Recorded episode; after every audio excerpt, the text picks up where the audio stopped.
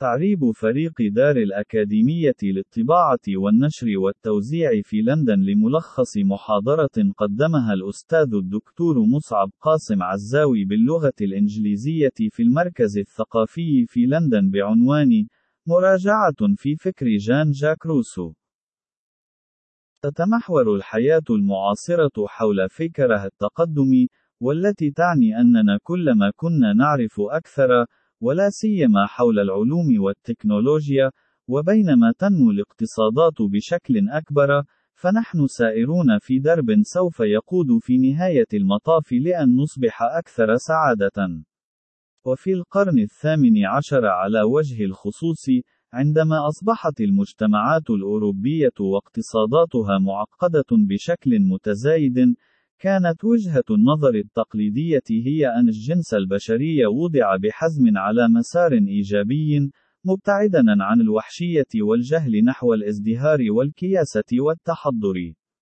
ولكن كان هناك فيلسوف واحد على الأقل من القرن الثامن عشر على استعداد للتشكيك بقوة في فكره التقدم، كان لديه أفكار جوهرية للغاية ليقولها لأبناء عصره وعصرنا الراهن.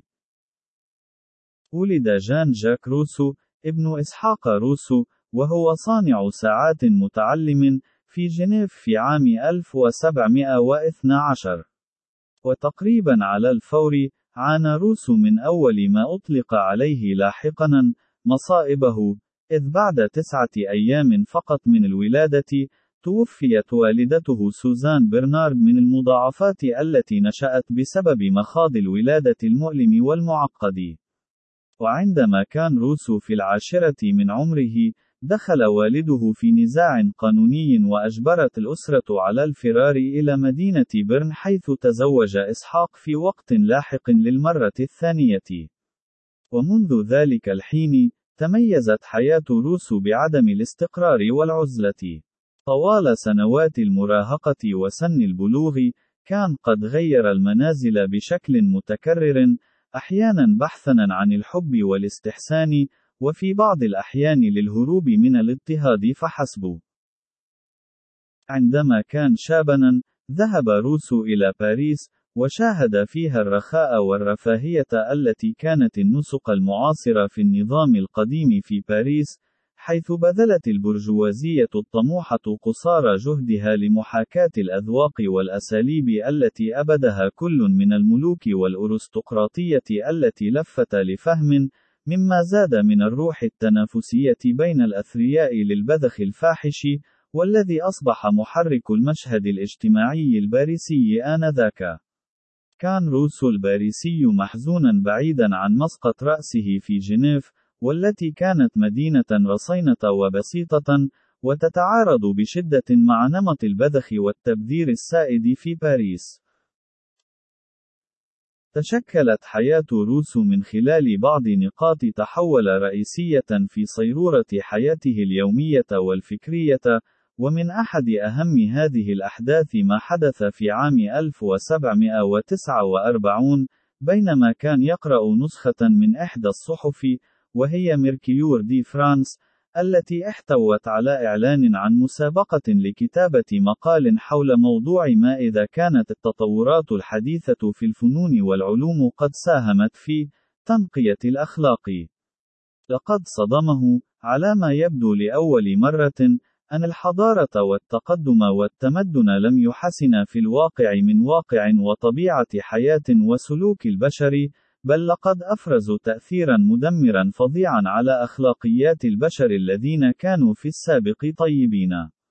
ولقد أخذ روسو هذه الرؤية، وحولها إلى أطروحة محورية لما أصبح مقاله الشهير: بحث علمي في الفنون والعلوم، والذي فاز بالجائزة الأولى في مسابقة الصحيفة السالف الذكر.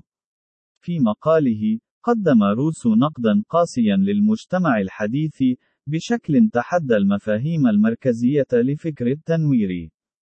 وكانت حجته بسيطة: كان الأفراد في الماضي يتمتعون بالخير والسعادة، لكن مع خروج الإنسان من حالته المتناغمة مع البساطة والطبيعة، أصبح يعاني من الرذيلة وإنخفض إلى الفقر الروحي.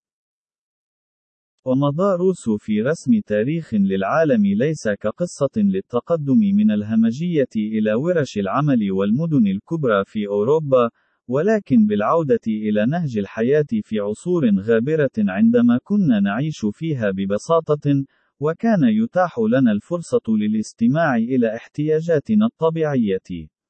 في عصور ما قبل التاريخ المتخلفة تقنياً، في حالة الطبيعة، لدى روسو، عندما عاش الرجال والنساء في الغابات ولم يدخلوا متجرا أو يقرأوا صحيفة، كان يحدوهم السمات الأساسية لحياة راضية: حب الأسرة، واحترام الطبيعة، والتبجيل لجمال الكون، وتذوق المتع الطبيعية، والترفيه البسيط. وكانت حالة طبيعة سلوك البشر أيضا أخلاقية، يوجهها الشفقة والتعاطف والتعاضد مع الآخرين ومعاناتهم. من هذه الحالة حيث الطبيعية سحبتنا، الحضارة التجارية الحديثة، وتركت لنا الحسد والشوق لعالم الوفرة والمعاناة فيه. لقد كان روسو على دراية بمدى عمق الموضوعة الخلافية التي قدمها في استنتاجه، ولقد توقع صرخة عالمية ضد أطروحته، وبالفعل أثار بحثه العلمي بالفعل عددا كبيرا من الردود، وكان البوابة التي ولج منها روسو إلى الشهرة. ماذا الذي كان في حركية التمدن؟ واعتقد روسو أنه أفسد الإنسان وأحدث هذا الانحطاط الأخلاقي، من جذور عداء روسو للتمدن المعاصر كان تصوره أن المسيرة نحو الحضارة قد أيقظت في الإنسان شكلا من أشكال حب الذات، وكان هذا مصطنعا ويتركز على التباهي، والغيرة، والغرور، والمتع الباذخة. وقال إن هذا الشكل المدمر من حب الذات قد ظهر نتيجة انتقال الناس إلى مستوطنات ومدن أكبر حيث بدأوا في التطلع إلى الأخرين من أجل اكتساب شعورهم بتفوق الذات. توقف الناس المتحضرون عن التفكير فيما يريدون وما شعروا به، وقلدوا الآخرين، ودخلوا في مسابقات مدمرة مع أقرانهم للتفوق عليهم، وللحصول على المكانة والمال. وقد لاحظ روسو أن الإنسان البدائي لم يقارن نفسه بالأخرين، بدلاً من ذلك قد ركز فقط على نفسه، فهدفه كان ببساطة البقاء على قيد الحياة. وعلى الرغم من أن روسو لم يستخدم فعلياً مصطلح وحشية نبيلة في كتاباته الفلسفية، إلا أن روايته للإنسان الطبيعي أطلقت العنان لهذا المفهوم. وبالنسبة لأولئك الذين قد يرون هذا كقصة رومانسية مستحيلة سوف يتم تفسيرها بفرادة على أنها خيال لمؤلف بارع، ولديه ضغينة ضد الحداثة، يجدر بنا أن نفكر في أنه إذا كان القرن الثامن عشر قد استمع إلى حجة روسو، فذلك يرجع في المقام الأول إلى أنه كان أمامه مثال صارخ على حقائقه الواضحة في شكل مصير السكان الأصليين الهنود في أمريكا الشمالية.